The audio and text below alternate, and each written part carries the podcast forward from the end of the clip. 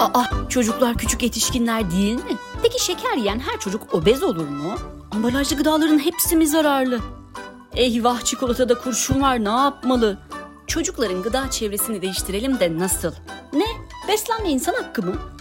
Gerçekten bir öğün yemek geleceği kurtarabilir mi? Gıda güvenliği mi? O da ne? Anneler, babalar, çocuklar ve çocukları önemseyenler. Çocuklar için başlıyor. Çocuklar için iyi bir dünya isteyenler. Merhaba, ben Filiz Yavuz. Merhaba, ben Bülent Şık. Bu hafta deprem bölgesindeki enkazı konuşacağız. Tarım alanlarına, sulak alanlara, zeytinliklere, yerleşim yerlerinin yakınlarına ya da e, herhangi bir boşluğa gelişi güzel dökülen bu enkazın işçi sağlığını, gıda güvenliğini ve e, deprem bölgesindeki ve deprem bölgesinin dışındaki çocukların sağlığını nasıl tehdit ettiğini ele alacağız.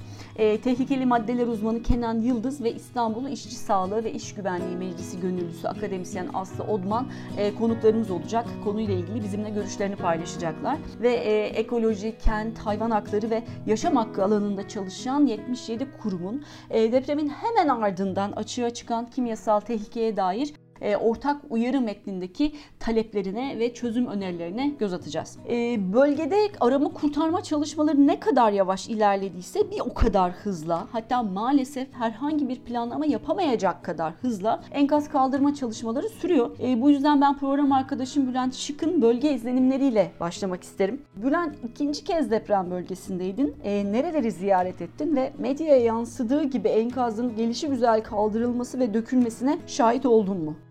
Geçen hafta sonu e, tekrar Samandağ, Antakya, Defne o bölgeleri e, ziyaret ettik. E, ilk depremin üçüncü günü oraya yola çıkmıştık. Samandağ'da biliyorsun daha sonra asıl orayı vuran hani özellikle orada yıkım yaratan bir deprem oldu. İlk gittiğimizde Samandağ'ın merkezi dışında çeperleri özellikle köylerin olduğu yerlerde çok büyük bir zarar oluşmamıştı. Ama e, orada gerçekleşen deprem sonrası da Samandağ'da ciddi bir yıkım olduğunu e, söyleyebilirim. E, örneğin bizim orada gıda dağıtımı yapmak için kurduğumuz okul e, Samandağ'daki depremde e, epey hasar aldı. E, bu tabii bu gittiğimde e, enkaz kaldırma faaliyetlerini biraz e, gözlemlemeye çabaladım. E, bu konuda çok e, ciddi problemler olduğunu söyleyebilirim. Çok gelişi güzel yapılıyor. Çok yani herhangi bir bilimsel prensibe uymadan herhangi bir enkaz gibi ne yazık ki bir, bir, bir toplama faaliyeti var. Ve toplanan enkaz gelişi güzel belli alanlara dökülüyor. Benim sahadaki gözlemlerim şu. Siyasal iktidar biraz ön, bir an önce alanı temizlemek, bu yıkım görüntüsünü ortadan kaldırmak ve kanaatimce işte seçimlere e, daha böyle rahat bir pozisyonda gitmek istiyor. Yani bu, bu işin bu kadar gelişi güzel yapılmasını biraz da buna bağlıyorum. Şimdi de İstanbul İşçi Sağlığı ve İş Güvenliği Meclisi Gönüllüsü akademisyen Aslı Odman'ı dinleyelim.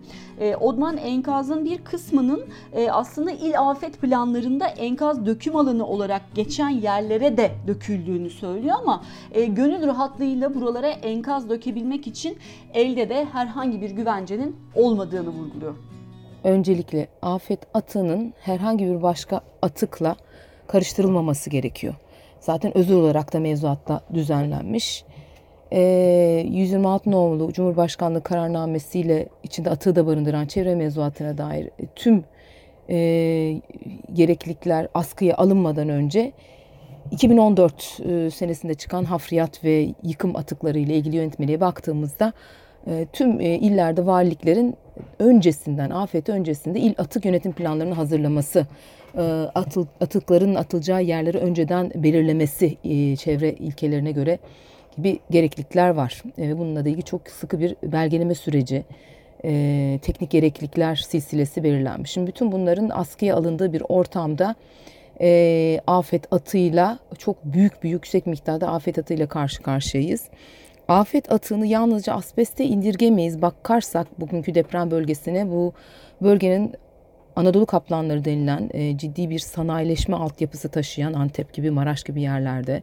Yani bu yüzden de sanayi girdisini teşkil eden bütün kimyasalları tehlike arz eden e, kimyasal ve sair maddelerin kompozisyonunu içerdiğini biliyoruz. İş yerleri de yıkıldı, depolar da yıkıldı, benzin istasyonları, yıkılan hastanelerdeki tıbbi atıklar, yıkılan binalardaki kurşunlu boyalar tabii ki ve e, hiçbir elimizde asbest envanteri olmadığı için yine e, asbest içerikli binalardaki asbest içerikli parçalar ama yalnızca asbest meselesi üzerinden değil her birine ayrı ihtimam gösterilmesi gereken her birinin farklı mevzuatla düzenlendiği bir alandayız. Bunların birleşimini oluşturduğu için afet atığı çok daha büyük tehlikeler içeren ve çok daha e, afet e, felaketini zamana ve coğrafyaya yayma e, potansiyeli olan e, bir durum. Ve bir tek potansiyel değil ne yazık ki Türkiye'de dökülen yerlere baktığımız zaman şu anda yıkım müteahhitleri eliyle failleri de konuşalım.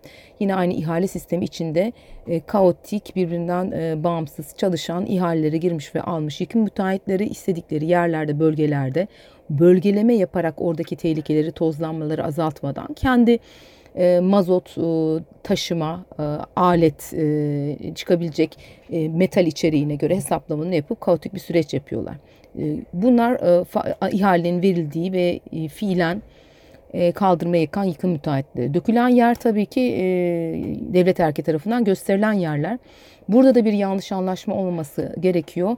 Daha önce yani mesela Hatay'da dökülen e, yerlerin daha önceden afetten önce atık döküm alanı olarak belirlendiğini, kısmen kullanıldığını, demek il afet planlarına da girdiğini görüyoruz. Buradaki yerlere sahip çıkmamızı gerektirecek herhangi bir güvence yok elimizde. Gerek zeminle ilişkisini kesme, membranlama, sulak alanlarının uzağında olma, tarım alanlarının uzağında olma, tozlanma ile etki edecek yerleşim merkezlerinin uzağında olma, e, gibi gereklilikleri yerine getirmediğini görüyoruz. O yüzden de eskiden belirlenmiş bu yerlere de sahip çıkmamız, e, bunların dışında dökülen yerleri e, usulsüz döküm deyip diğerlerinde usul içindeymiş, düzgünmüş, çevre uygunmuş gibi sahip çıkmamıza imkan yok. Ee, evet Aslı Odman'ı dinledik. Ee, Aslı enkazdaki tehlikeli maddeler olarak e, yıkılan hastanelerdeki tıbbi atıkları, e, yıkılan binalardaki kurşun ve asbest içeriğini saydı. Ee, ve bunlar içinde bulundukları enkazla e, Aslı'nın deyimiyle afet atığıyla gelişi güzel yerlere götürülüp bir anlamda bırakılıyor. Şimdi tabii asbest çok konuşuluyor. Asbest e, Türkiye'de çok yakın zamanda hani yasaklandı 2010'da. Şimdi tabii asbest parçacıklarının yol açtığı kanser en tehlikeli hastalık olarak e, biliniyor. Hani bu çok uzun zamandır da bilinen bir şey. Ama sadece o değil. Yani e, maske takmadan e, ya da enkaz e, alanlarını ıslatmadan hani tozlamasını engelleyecek şekilde e, diyelim bir Antakya içinde dolaşmak neredeyse hani imkansız gerçekten. Üstünüz başınız her tarafınız toza bulanıyor bir süre sonra. E, Bülent asbest demişken e, hemen asbest nedir? Enkazda neden asbest bulunur ve e, maruz kalınması halinde e, asbest nasıl sağlık problemlerine yol açabilir gibi soruların yanıtı için e, tehlikeli maddeler uzmanı Kenan Yıldız'a bir kulak verelim derim. Asbest ya da amyant lifli yapıda bir hidroksisilikat mineraldir. Isıya, aşınmaya, ve kimyasal maddelere çok dayanıklıdır. Halk arasında ak toprak, çorak toprak, gök toprak, çelpek, höllük veya ceren toprağı gibi isimlerle bilinir. Enkazlar arasında asbest, çimento çatı levhaları, çimento su boruları ve yine çimentolu atık su boruları, kalorifer kazan sistemleri, zemin karoları, cam macunu ve özellikle kırsalda bulunan kerpiç evlerin boya ve sıvalarında bulunur. Enkaz kaldırma çalışmalarında tozuma ile asbeste maruz kalabiliriz. Asbest akut etki yapmaz. Uzun vadede ciddi sağlık sorunlarına sebebiyet verir. Bunlardan en tehlikelisi de akciğer zarı kanseri, mezotelyama ve akciğer kanseridir. E, asbest su ve gıdalar ile sindirim sistemine girdiğinde sağlık sorunlarına sebebiyet verip vermediği henüz kanıtlanmadığı gibi çürütülememiştir de güvenli alanda kalmak doğru bir tercih olacaktır. Ancak e, deprem bölgesinde dere, nehir ve barajlara tozlarla asbest taşınmış olabilir. Böyle bir ihtimal var. Dikkat edilmelidir ki asbest içeren sularla yıkanan çamaşırlar veya e, yüzeylerde yapılan temizliklerden sonra banyo gibi yani suyla temizlik yapılan alanlara asbest kontamine olabilir. Çamaşırlarımıza kontamine olabilir ve solunum yolu hastalıklarına sebebiyet verir. E, peki asbest dışında enkazda maruz kalınması ya da tüketilmesi halinde sağlığa ama özellikle çocukların sağlığına zararlı olabilecek e, başka maddeler nelerdir diye sormak isterim sana Bülent. Mesela e, inşaat malzemesinden e, havaya karışan çeşitli silikat parçacıkları, e, bunlar silikosis dediğimiz hastalığa yol açar ve bu hastalık e, öyle 10 yıllar içerisinde açığa çıkmaz. Çok kısa sürede açığa çıkabilir. Dahası e, yine solunum sistemini etkileyen e, işte plevral e, zar kalınlaşması gibi bir takım hastalıklar. Bunlar öyle yıllar yıllar yıllar sürmez bunların açığa çıkması. Yani yine tehlikeli hastalıklardır bunlar. Hayatı gerçekten zindan eden hastalıklardır. Ama hani bu hastalıkların da daha kısa sürede açığa çıktığını bilmek gerekiyor. Öte taraftan hani enkazın içerisinde asbest dışında örneğin ağır metal kalıntıları, kurşun özellikle. Türkiye'de kurşunlu boyalar hala kullanılıyor. Bakın bu Geçen programda da buna vurgu yapmıştık. Bölmeme izin ver lütfen çünkü çok yerinde çok önemli bir hatırlatma yaptın. Ee, geçen programda yiyeceklerin içinde hatta çikolatada bile kurşunun bulunma ihtimalinden ve e, bu kurşun içeriğinin özellikle çocukların sağlığı üzerindeki etkilerinden söz etmiştik. Biraz daha detaylandırmak iyi olabilir. Ee, enkazdaki malzemelerin boyandığı kurşun içerikli boyalar çocukların sağlığını nasıl tehdit eder? Çocuklar e, toksik kimyasallara yetişkinlerden daha duyarlı. Bu duyarlılığın hani çeşitli nedenleri var. Özellikle e, anne karnında başlayan hayatın ilk iki yılına yayılan süreç, oradan e, ergenlik çağına uzanan süreçte e, çocukların olabildiği kadar sağlıklı çevrelerde e, büyümelerini sağlamak gerçekten çok önemli bir toplumsal sorumluluk, bir kamusal sorumluluk gibi görülmeli. Şimdi bizim ülkemizde böyle bir bakış açısı ne yazık ki yok. Mesela e, kurşun e, için hani konuşalım. Bu enkaz alanlarındaki problemli maddelerden biri olduğu için hani e, bir de simgesel önemi var. E, ama kurşun odağında söyleyeceğimiz başka toksik kimyasal maddeler için de geçerli. Hani bunu da aklımızın bir köşesinde tutarak hani söylediklerime e, kulak versin sevgili dinleyiciler. E, mesela yetişkin bir insan işte bünyesine kurşun aldığında bu soluduğu havadan olabilir. E, kurşun havaya karışır e, ya da gıdalardan, sulardan e, bünyesine kurşun aldığında mesela yetişkin bir insanın e, sindirim sisteminden e, bu kurşunun %10'u yaklaşık olarak emiliyor. Yani bu bir ortalama değer. Çocuklarda emilim miktarı yetişkinlerin 6-7 katı daha fazla. Yani e, biz aynı yiyeceklerle çocuklar beslendiğinde e, yiyeceğin içerisinde e, 100 birim kurşun varsa bu 100 birim kurşunun 10 birimi bir yetişkinin bünyesine, metabolizmasına giriyor, karışıyor. Oysa çocuklarda 70 birimi, 60 birimi e, bünyelerine karışıyor. Dolayısıyla çocuklardaki maruziyet çok daha fazla. Özellikle 6 yaş altı çocuklarda. Ee, diğer taraftan e, çocuklarda çok hızlı bir e, gelişim süreci olduğu için hücre büyümesi, doku yenilenmesi, işte gelişme vesaire bir takım toksik kimyasallar işte bunlar mesela hormonal sistem bozucular olarak nitelenebiliyor. Çocuklarda hormonal sistemi alt üst ediyor ve işte e, e, erken ergenlik, aşırı kilo alma gibi sorunlara yol açıyor.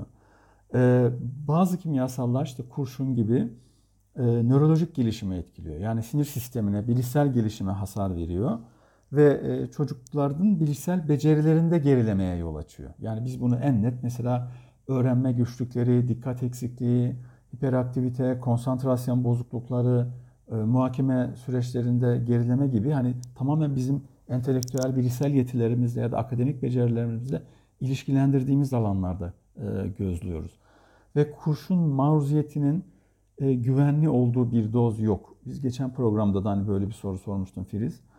E, amaç çocukları kurşun maruziyetinden olabildiği kadar, yapabildiğiniz kadar korumak olmalı. Yani kurşun çocukların e, nörolojik gelişimi yani bilişsel sağlıkları, sinir sisteminin gelişimlerinde zarara yol açan en önemli toksik kimyasal maddelerin başında gelir.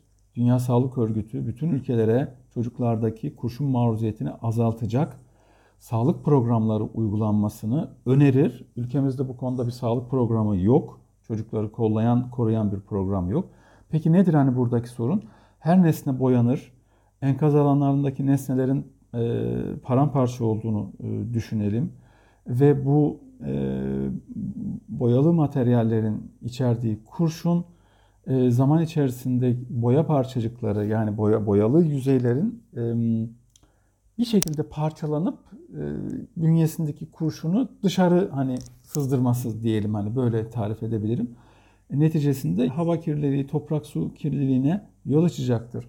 E, dolayısıyla biz bu kurşunu da o bölgede diyelim hani bu, bu kirliliğin oluştuğu bölgelerde yetiştirilen e, gıdalardan e, aldığımızda, bünyemize aldığımızda biz bu sefer çocuklardaki kurşun maruziyetini artıran bir işlem yapmış olacağız. Bizim e, kurşun maruziyetini artıracak e, bu tip toksik kimyasallarla kirlilik e, süreçlerini kontrol etmemiz gerekiyor. Kurşun maruziyeti hala bir büyük mesele olarak devam ediyor çeşitli ülkelerde, ülkemiz dahil.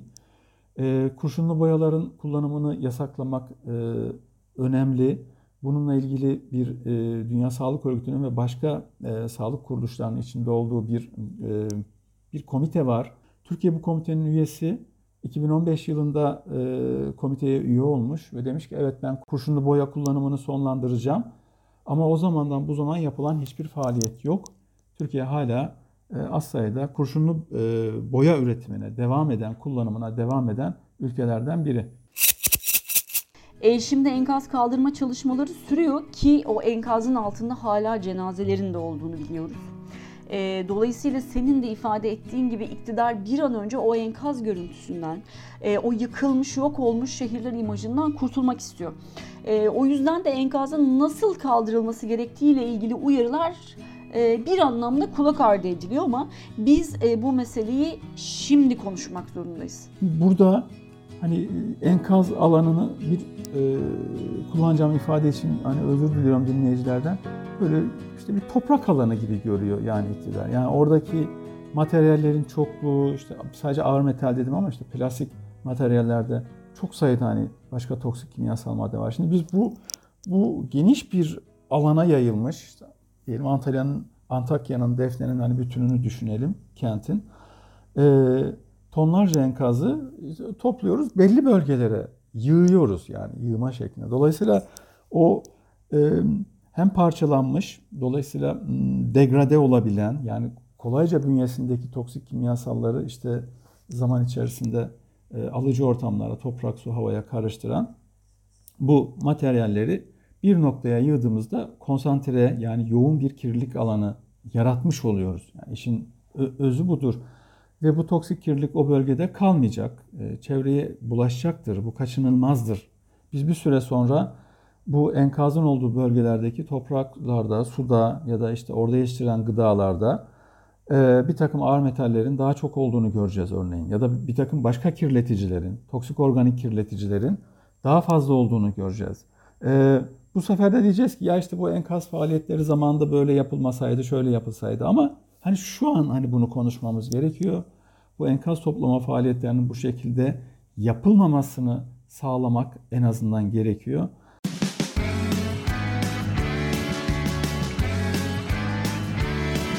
Kulağınız bizde olsun. Kısa Dalga Podcast. İşin bir ayağı da gıda güvenliği. E, durumun vahametini belki de verilerle anlatmak daha iyi olabilir. E, şimdi TÜİK'in 2022 verilerine göre deprem bölgesindeki tarımsal üretim Türkiye'deki tarımsal üretimin %16'sı ediyor. E, yani deprem bölgesinde su ve toprak konusundaki en küçük bir ihmal e, ki zaten enkazın tarım alanlarına ve sulak alanlara dökülmesi de bu ihmal örneklerinden e, biri. E, Türkiye'de nasıl bir e, gıda güvenliği sorununa yol açar diye sormak isterim sana. Özellikle bu köylerin yakınına, tarım alanlarının, üretim alanlarının yakınlarına dökülen enkazın diyelim bir yağmurla ya da selle ya da başka bir afetle bünyesindeki kirliliği zaman içerisinde sızdırmaya, doğal ortamlara, özellikle toprağa, suya, havaya bulaştırmaya başlayacağını rahatlıkla düşünebiliriz. Aslında e, bu çok e, uzun olmayan bir süreçte karşımıza ciddi bir gıda güvenliği sorunu olarak çıkacak. Yani biz mesela işte kurşun kirliliğinden söz edeceğiz bir takım gıdalarda veya bu enkazın e, bünyesindeki çeşitli bileşiklerin suya karışması neticesinde işte sulardaki bir takım toksik kimyasal konsantrasyonların arttığından söz edeceğiz. Bunun bu şekilde yapılmaması gerekir. Yani biz nasıl bir takım tehlikeli atıkları toplayıp işte e, katı atık e, depolama alanları oluşturuyorsak işte sızdırmaz membranlarla bir, bir bölge e, burada da yapılması gereken böyle bir şeydir. Şimdi bu enkazın büyüklüğü işte 10 milyonlarca tonluk bir enkaz olması burada yapılması e, gereken işlemlerin yapılmaması için bir gerekçe oluşturmaz. Bu yanlıştır. Yani şeyi elbette hani çok anlıyorum. Yani bu enkazın kaldırılması, orada e, yakınlarının hani vefat eden yakınlarını bekleyen insanlara bu cenazelerin ulaştırılması gerekli. Ama bunun sistematik bir şekilde yapılması da çok önemli. Yani bir bir işi yaparken e, başka bir halk sağlığı felaketine, çevre felaketine yol açmamak e, gerekir. Bu konularda çok ciddi eksikliklerimiz var. Ben Hatay'a gittim. E, diğer bölgeler için de söylenebilir. Bu her bölgenin kendine özgü bir gıda üretim deseni var. Örneğin Hatay narenciye, zeytin, sebze üretimi açısından potansiyeli çok yüksek bir bölgemiz. Ve bu bölgeyi bizim tabii korumamız gerekiyor. Yani biz bu şekilde bir enkaz topla, git herhangi bir alana, bir e, kamu görevlisi muhtemelen işte şuraya boşaltın diyor. E, yığmak o enkazı işte bu, bu e, felaketin devamına yol açmaktır bu şekilde e, yaptığımızda. Şimdi Türkiye'de biz bu tip doğal afetleri e, can kayıpları üzerinden değerlendiriyoruz. Bu elbette ki ilk akla gelen şey. Yani kim ne kadar e, etkilendi, bu, bu can kaybını azaltacak ee, önlemler elbette son derece e, kritik. Öyle depremin ilk saatlerindeki, ilk günlerdeki arama kurtarma faaliyetlerinden hani söz ediyorum. Ama nihayetinde şunu konuşmak zorundayız. Yani e, biz nasıl ki depremin zararlarını azaltacak, bu yıkımı azaltacak önlemleri e, alamadıysak toplum olarak özellikle kamu kurumları açısından söylüyorum. Depremi güvenli binalar oluşturulması, e, depremin yol açacağı zararın önüne geçmek için işte uygun inşaat tekniklerinin kullanılması gibi bunu yapamadıysak bundan sonra yıkımın yol açtığı zararları engelleyememek de aynı problemin bir parçası. Yani böyle bir bakış açısından e, meseleye yaklaşmak zorundayız. E, işin hani e, kötü tarafı nasıl ki depremin olacağını e, tahmin eden, e, önlem alınmasını söyleyen bilimsel raporlar varsa hani literatüre baktığımızda e, açığa çıkan enkazın uygun bir şekilde e, kaldırılıp e, depolanmamasının, ayrıştırılmamasının da çeşitli sorunlara, hak sağlığı sorunlarına, çevre sağlığı sorunlarına yol açacağını gösteren çok sayıda literal bilgi var.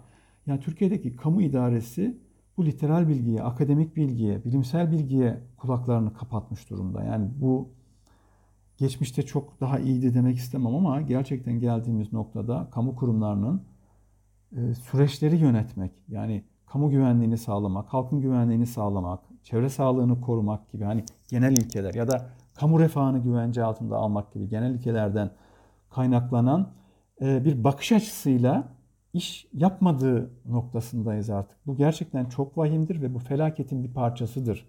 Hem felaketi hazırlayan, bu kadar ağır olmasına e, yol açan bir hani eksikliğin, yetersizliğin içinde görmek lazım bu e, kamusal idareyi, kamu idaresini. Hem de felaket sonrası sadece arama kurtarma değil, e, çocuk sağlığından çevre sağlığına, halk sağlığına bir dizi alandaki e, yaklaşımların yetersizliğini de bu işin, bu meselenin bir parçası olarak görmek zorundayız. Yani e, kurşundan söz ediyoruz. E, eğer biz enkazı bu şekilde toplayıp yığarsak kaçınılmaz bir şekilde gıdalardaki sularda ve oradan tabii çocuklara e, kurşun geçişini kolaylaştıran bir iş yapmış oluyoruz. Ama amaç ne olmalı? Toplumda kurşun maruziyetini azaltmak. E, bu bu kadar basit bir şekilde ortaya konmuşken, ya 10 yıllardır biliniyorken hani kurşun kirliliği ve onun yol açtığı sorunlar en azından e, Roma İmparatorluğu dönemine kadar gider hani onun zehirli bir kimyasal oldu. Hani böyle bir e, tarihi bilgi varken bunu dikkate almamak e, ve böyle gelişi güzel bir e, e, faaliyet yapmak, enkaz toplama işinden söz ediyorum. E, son derece vahim ve hani neresinden tutsak elimizde kalan bir problem ne yazık ki. Peki deprem güvenliğini sağlayamamakla depremin ardından enkazı kaldıramamak aynı sorunun parçası dedik. Ama maalesef bizim böyle bir e, kamusal bakış açımız yok. Elde de depremin ardından yıkılmış şehirler ve enkaz kaldı. E, peki böylesi bir durumda çözüm önerilerin nelerdir? Şimdi e, şu söyleniyor ya işte çok sayıda bina yıkılmış. Hani nasıl yapılacak bu iş? Elbette nasıl yapıldığına e, ilişkin olarak e, bu işi doğru yapan ülkelerin deneyimlerinden yararlanmak gerekir. Örneğin Japonya gibi.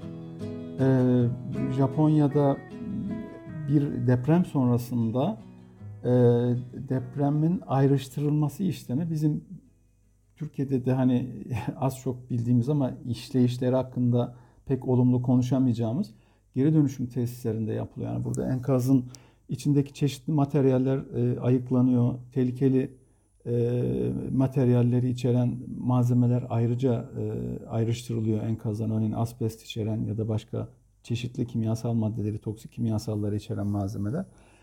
E, şu haliyle, Türkiye'de yapıldığı haliyle enkaz kaldırma faaliyeti e, ne yazık ki yeni çevre faciaları yaratmaya aday milyonlarca tonluk e, içerisinde çok sayıda çeşitli toksik kimyasal maddeleri barındıran enkaz e, bir takım çukurluk bölgeleri doldurmak amacıyla kullanılıyor ama e, burada tabi yapılan e, işlemin nihai sonucu e, çeşitli kimyasallar açısından, toksik kimyasallar açısından e, konsantre, yoğun bir kirlilik alanı yaratmaktır. Şimdi biz e, e, toksik kimyasal maddelerin bulundukları alandan toprağa, suya, havaya karıştıklarını yani hareketli olduklarını, başka ortamlara taşındığını bilmek durumundayız ve bu bilgi yeni bir bilgi de değil. E, dolayısıyla yapılan faaliyet e, son derece e, problemli bir şekilde yürütülüyor. Ee, şimdi enkazdaki tehlikeye karşı nasıl tedbirler alınabileceği ile ilgili önerileri için yeniden tehlikeli maddeler uzmanı Kenan Yıldız'ı dinleyelim. Enkazlardan teknik ekip tarafından numuneler alınmalı, asbest testi yaptırılmalı. Veya bu mümkün değilse görsel olarak asbest içeren materyaller tespit edilmeli ve bu binaların enkazları potansiyel asbest içeren binalar olarak işaretlenmeli. Asbest içeren binalarla asbest içermeyen binaların enkazları aynı harfiyat döküm sahasına götürülmemeli. Yani aksi takdirde tüm harfiyat sahasına asbest kontamine olacaktır. Yani tehlike katlanarak büyüyecektir. Yine harfiyat döküm sahalarında veya enkaz çalışmalarında bir takım e, geri kazanılacak ürünleri geri kazanmak adına konkasör gibi kırma işlemine kesinlikle girilmemelidir. Ve e, yapılacak e, geri kazanım çalışmalarında özellikle demirin geri kazanımı sırasında e, kırıcılarla betonlar, e, molozlar kırılırken e, tozmanın minimuma indirmesi, indirgenmesi gerekiyor. Bunu da yapabilmek için gerek geri dönüşüm malzemelerini e, çıkarırken veyahut da gerekse de enkazı kaldırırken sulama yapılmalı, enkazı satılmalı. Mümkünse, varsa, imkanlar el veriyorsa su pulverize makineleri mutlaka kullanılmalı. Yine e, çalışanlara ve yakında bulunan insanlar uyarılmalı. Bu kişilere FFP3 maske ve kategori 3 tip 5-6 tulum giydirilmeli. Enkaz ve harfiyat sahasında çalışanlar ve bölgedeki e, diğer çalışanlar gerek lojistik hizmetlerinde gerek işte makine operatörleri asbestle çalışmalarda sağlık güvenlik önlemleri hakkındaki yönetmelik hükümlerine uygun çalışmaları sağlanmalı. Yine e, çalışanlar iş bitiminde mutlaka yıkanmalı. İş elbiselerini kesinlikle yaşam alanlarına götürülmemeli. Bununla ilgili çalışanlara gerekli bilgilendirme hem çalışanlara hem de bölgedeki insanlara gerekli bilgilendirmeler bilgilendirmeler yapılmalı. Yine bir diğer önemli konu enkaz taşıyan kamyonların kasaları mutlaka kapatılmalı. Kasası açık moloz ve enkaz taşıyan e, kamyonlar e, takdir edersiniz ki ortama e, kasanın üzerindeki tozları salacak ve güzergah boyunca o güzergah boyunca o tozlar daha büyük alanlara e, sirayet edecek ve daha büyük bir e, tehlike olmasına sebebiyet verecek. Yine e, hafriyat sahaları ve çevredeki insanların etkilenmesinin minimuma indirgenmesi gerekiyor. Bunun için harfiyat sahaları hakim e, hakim rüzgarların yerleşim yerlerinin tersi istikametinde olacak şekilde seçilmeli. Hatta e, harfiyat alanı ile yaşam alanları arasında mesafe çok fazla değilse yani bu mümkün de olmayabiliyor işte deprem e, şartlarından dolayı e, bölgedeki kısıtları biliyoruz. Bu durumda şu yapılabilir. Harfiyat alanı ile yaşam alanları arasında toz bastırma sistemleri kurularak su perdesi veya toz, e, su perdesi yaratılarak tozlar çökertilmelidir. E, enkazda çalışan işçilerin nasıl önlemler alması gerektiği konusunda da sevgili Kenan Yıldız'ın uyarılarını dinledik. E, işçi sağlığı perspektifine İstanbul İşçi Sağlığı ve İş Güvenliği Meclisi Gönüllüsü akademisyen Aslı Odman kolluk kuvvetlerini de ekliyor. Şimdi onun çözüm önerilerini dinleyelim. Tehditler arasında e, tabii ki kaldırılırken e, bu afet atığını, bu amelgamı tozlanmaya doğrudan maruz kalan işçiler ve çoğu zaman akla gelmeyen e, enkaz kaldırma bölgelerinde yağmacılığı engellemek e, diye devletin şu anda faal olduğu tek güvenlik alanı kolluk kuvvetlerinin burada çok bulunduğunu görüyoruz. Herhangi bir maske güvenliği olmadan polis ve jandarmanın e, boşaltılmış olan yerlerde veya fiilen boşalmış yerlerde enkazı kaldıran işçilerle yan yana, nakliyecilerle yan yana çalıştığını görüyoruz. Bütün bu neslin ciddi bir kayıp nesil olabileceğini düşünebiliriz. İşçi sağlığı, iş güvenliği bu açıdan Normalde bu alanda hukuken değerlendirilmeyen kolluk kuvvetlerini, askerleri, polisleri de kapsıyor. Yapılması gereken çok açık bunlara karşı çıkmanın somut formları içerisinde birincisi suç duyuruları yapmak. Şu andaki bütün mevcut döküm yerlerini e, elimizden gelen bütün güçlerle halk olarak, gazetiştirmacı gazeteci olarak tespit etmek. E, bunların uzmanlar tarafından e, sulak alanlar suya ve besin zincirine karışma, hava üzerinden yerleşim yerlerine etki etme, tarım e, niteliğini ortadan kaldırma e, durumların tespit edilmesi ve şu andaki e, olağanüstü hal e, mevzuatı içerisinde hemen sonuç alınmasa bile hukuku manivel olarak kullanarak suç duyurularının yapılması gerekiyor. İkincisi de tabii ki bir alternatif önermeliyiz bağlama özel e, afet sonrasının e, karmaşasına özel bir şekilde e, zararı azaltmak için haritayı önümüze alıp dökülecek yerlerin e, kötünün iyisi olacak şekilde suyla, tarımla, yerleşimle, gıdayla ilişkisi e, koyunarak e, işte membranlama sistemi mi, eski kısmen ateşli taş ocakları mı yoksa bir dağ oluşturacak şekilde tepeleme sistemi mi? E bunların ne olacağını gerçekten mekan içerisinde tanımlamamız, bir alternatif koymamız ve oraya değil de buraya gitmesi için de gerçekten bedenlerimizi de sokağa çıkarmamız gerekiyor. Esasen bu uyarıların bir benzeri e, ekoloji, kent, e, hayvan hakları ve yaşam hakkı alanında çalışan e, sivil toplum örgütleri, meslek odaları ve e, platformlarını oluşturduğu 77 kurumun ortak imzasıyla da yapıldı. E, depremin ardından açığa çıkan kimyasal tehlikeye karşı bir uyarı metni yayınladı bu 77 kurum. E, metinde rastgele hafriyat dökümünün halk sağlığını ve ekosistemi doğrudan tehdit ettiği vurgulandı ve çalışmaların bu haliyle devam etmesi edilmesi durumundaysa ikinci bir yıkım yaşanmasına neden olacağına değinildi. E, bu 77 kurumunda ortak talepleri şöyle. 1. Depremden önce ve sonrasında belirlenmiş hafriyat depolama yerleri dışındaki döküm işlemleri acilen durdurulmalıdır. Belirlenen alanların ise listesi ve konumları kamuoyuna açıklanmalı. TMOP, kent ekoloji örgütleri ve yerel temsilcilerin bu alanları denetlemesine izin verilmelidir. Çok sayıda kimyasal içeren enkaz atıkları tehlikeli atık depolama şartlarını karşılayan sızdırmazlığı sağlanmış depo alanlarında tutulmalıdır. 2. Enkaz kaldırma işlemleri sulama yapılarak işçi sağlığı ve iş güvenliği açısından gerekli önlemler alınarak sermaye odaklı değil, ekolojik dengeyi koruyan, emekçilerin hayatını koruyacak bir biçimde yapılmalıdır. 3. Yıkılan ve hasarlı evlerin asbest ve başkaca tehlikeli madde içerip içermediğine dair envanter kamuoyu ile paylaşılmalıdır. 4. Asbest ve tehlikeli kimyasal içeren hafriyat bilimsel yöntemlerle ayrıştırılıp bertaraf edilmeli, yaşam döngüsüne zarar vermeyecek biçimde depolanmalıdır. 5. Çevre Şehircilik ve İklim Değişikliği Bakanlığı başta olmak üzere enkaz kaldırma ve döküm çalışmalarından sorumlu kamu kurumları ile ekoloji örgütleri, meslek odaları, kent konseyleri, sendikalar gibi yerel tüm öznelerin içinde olduğu şeffaf işleyen ortak koordinasyonlar kurulmalıdır. Ahvalimiz böyle. Biz de buradan bir kez daha deprem bölgesindeki enkazın kontrollü ve bir program dahilinde kaldırılması için e, çağrımızı yineliyoruz. E, ancak şimdiye dek pek çok enkaz atığı tarım alanlarına döküldü, zeytinliklere döküldü, yerleşim yerlerinin çok yakınına döküldü. Dolayısıyla gıda güvenliği konusunda da dara düşmek üzere olduğumuz bir gerçek. Peki biz çocukları bu tehlikeden nasıl koruyabiliriz?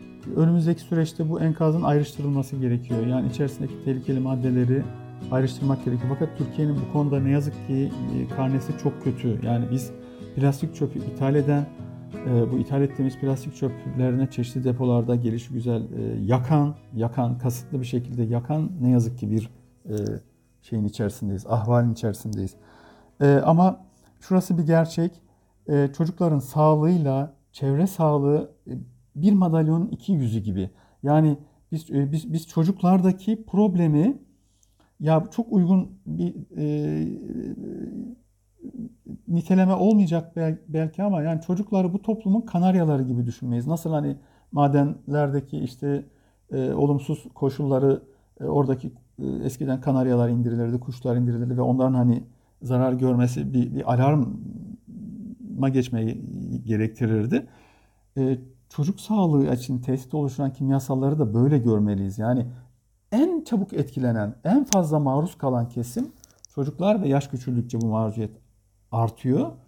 Dolayısıyla bizim çocukları koruyan bir yaklaşımla e, halk sağlığına, çevre sağlığına, gıda güvenliğine, beslenme meselelerine bakışımız aslında toplumun genelinde koruyacaktır. Yani biraz e, bu, bu şekilde bakmamız gerekiyor. Çocukları kolladığımızda, koruduğumuzda, örneğin kurşun maruziyetini azaltacak önlemler aldığımızda bu önlemlerin diğer kimyasallar, toksik kimyasallar içerisinde içinde e, engelleyici etkileri olacaktır. Sadece kurşun değil ki biz ağır metallerin büyük bir kısmını elimine etmiş olacağız veyahut da bulaşmasını, çocukların maruz kalmasını engellemiş olacağız. Bu ağır metallerin çevresel ortamlara daha az bulaşmasını engellediğimizde sadece çocuk sağlığını korumuş olmayacağız, biyolojik çeşitliliği de korumuş olacağız toprak sağlığını da korumuş olacağız veya hava kirliliğini de azaltmış olacağız. Şimdi bunların hepsi bir bütünün parçasıdır. Ama böyle bütünlüklü bir bakış açısı yok şu an kamu idaresinde. Şöyle bir şeyi mutlaka düşünmemiz gerekiyor. Mesela çocukların kurşun dahil olmak üzere çeşitli toksik kimyasallara maruziyetini azaltmak onların sağlıklı beslenmesini sağlamakla da çok ilgili. Örneğin e, yetersiz beslenme, sağlıksız beslenme neticesinde mesela kalsiyumu az alan, kalsiyum çocuk büyümesinde, kemiklerin gelişiminde çok rolü olan, çeşitli rolleri olan e, bir e, besleyici e, öğedir. Ya da demir eksikliği olan yani demir yine çeşitli yiyeceklerde bulunur. Eksikliği kansızlık dediğimiz soruna yol açar. Mesela kalsiyum demir eksikliği içinde olan çocuklar kurşunu daha fazla bünyelerine alırlar. Yani yiyeceklerdeki sulardaki kurşun bağırsaklardan çok daha yüksek miktarlarda emilir. Neden? Çünkü kurşunun kimyasal yapısı örneğin kalsiyuma benzer. Bu nedenle e, vücut metabolizması onu bir kurşun toksik madde olarak değil de kalsiyum sanarak emer. Hani basitleştiriyorum.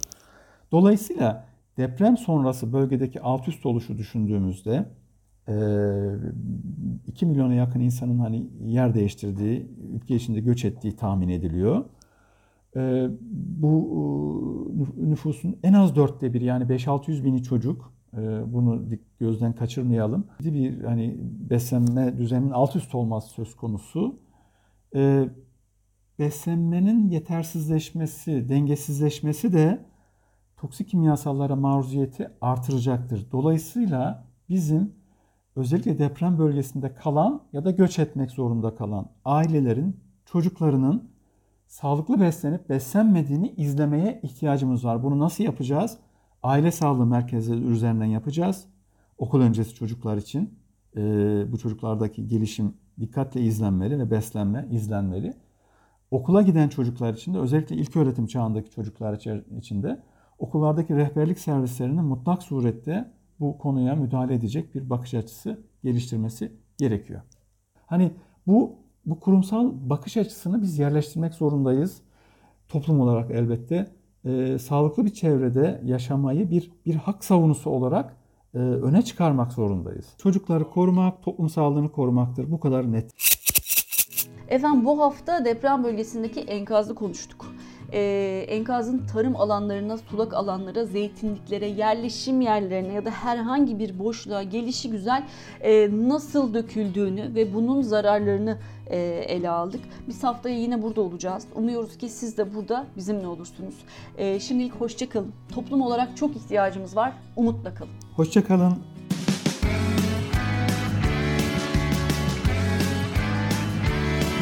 Kulağınız bizde olsun. Kısa Dalga Podcast.